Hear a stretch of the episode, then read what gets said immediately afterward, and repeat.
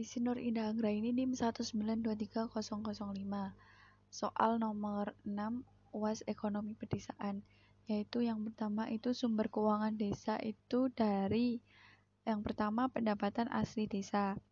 E, dari hasil usaha, hasil aset, swadaya, dan partisipasi gotong royong dan lain-lain pendapatan asli desa. Kemudian dari alokasi APBN yaitu dana desa kemudian dari bagian pajak daerah dan retribusi daerah. Kemudian ada dari alokasi dana desa, bagian dana perimbangan yang diterima kabupaten atau kota di, lalu, di luar DAK yaitu DAU dan DBH sebesar 10%. Kemudian dari bantuan keuangan dari APBD provinsi atau kabupaten kota. Kemudian dari hibah dan sumbangan yang tidak mengikat dari pihak ketiga. Kemudian lain-lain yaitu pendapatan desa yang sah. Yang P struktur APBD APB desa. Yang pertama itu ada pendapatan. E, kelompoknya itu ada pendapatan asli desa dengan jenis usaha dengan jenis hasil usaha dan rinciannya itu hasil BUMDes, hasil pengelolaan tanah tanah kas desa, tambatan perahu, pasar desa, tempat pemandian umum, jaringan irigasi ada swadaya partisipasi gotong royong itu peran masyarakat berupa tenaga barang yang dinilai dengan uang. Ada lain-lain dari pendapatan asli desa yaitu hasil pungutan desa. Kemudian yang kedua transfer. Jenisnya itu ada dana desa, bagian dari pajak des, pajak daerah, kabupaten kota dan retribusi daerah alokta atau alokasi dana desa dan bantuan keuangan dari APB di provinsi. Kemudian ada bantuan keuangan APBD kabupaten atau kota.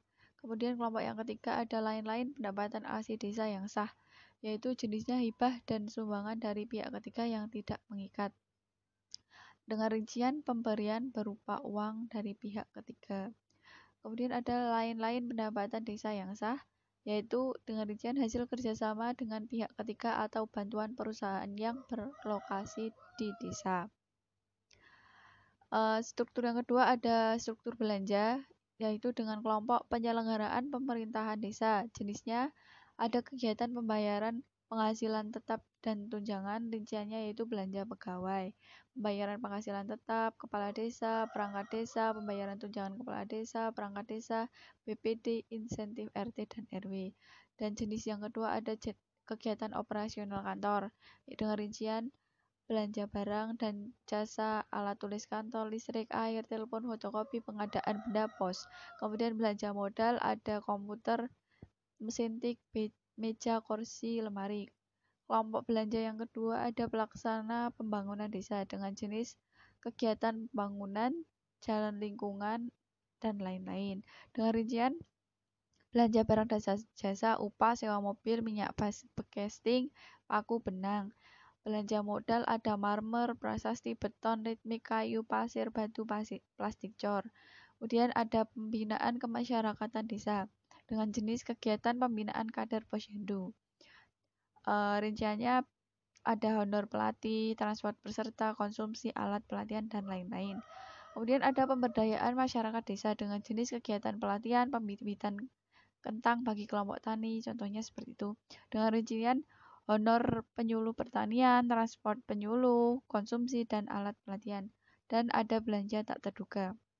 Kemudian struktur yang ketiga ada pembiayaan dan kelompoknya itu ada penerimaan pembayaran dan jenisnya ada sisa lebih perhitungan anggaran tahun sebelumnya, pencairan dana cadangan, hasil penjualan kekayaan desa yang dipisahkan. Uh, ada pengeluaran pembiayaan dengan jenis pembentukan dana cadangan penyertaan modal desa. Kemudian ada siklus pengelolaan keuangan desa.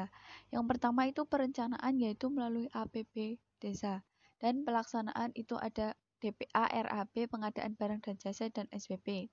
Kemudian ada penantausahaan yaitu ada buku kas umum, buku kas pembantu pajak, buku bank, dan ada pelaporan, laporan semester pertama dan laporan semester akhir tahun.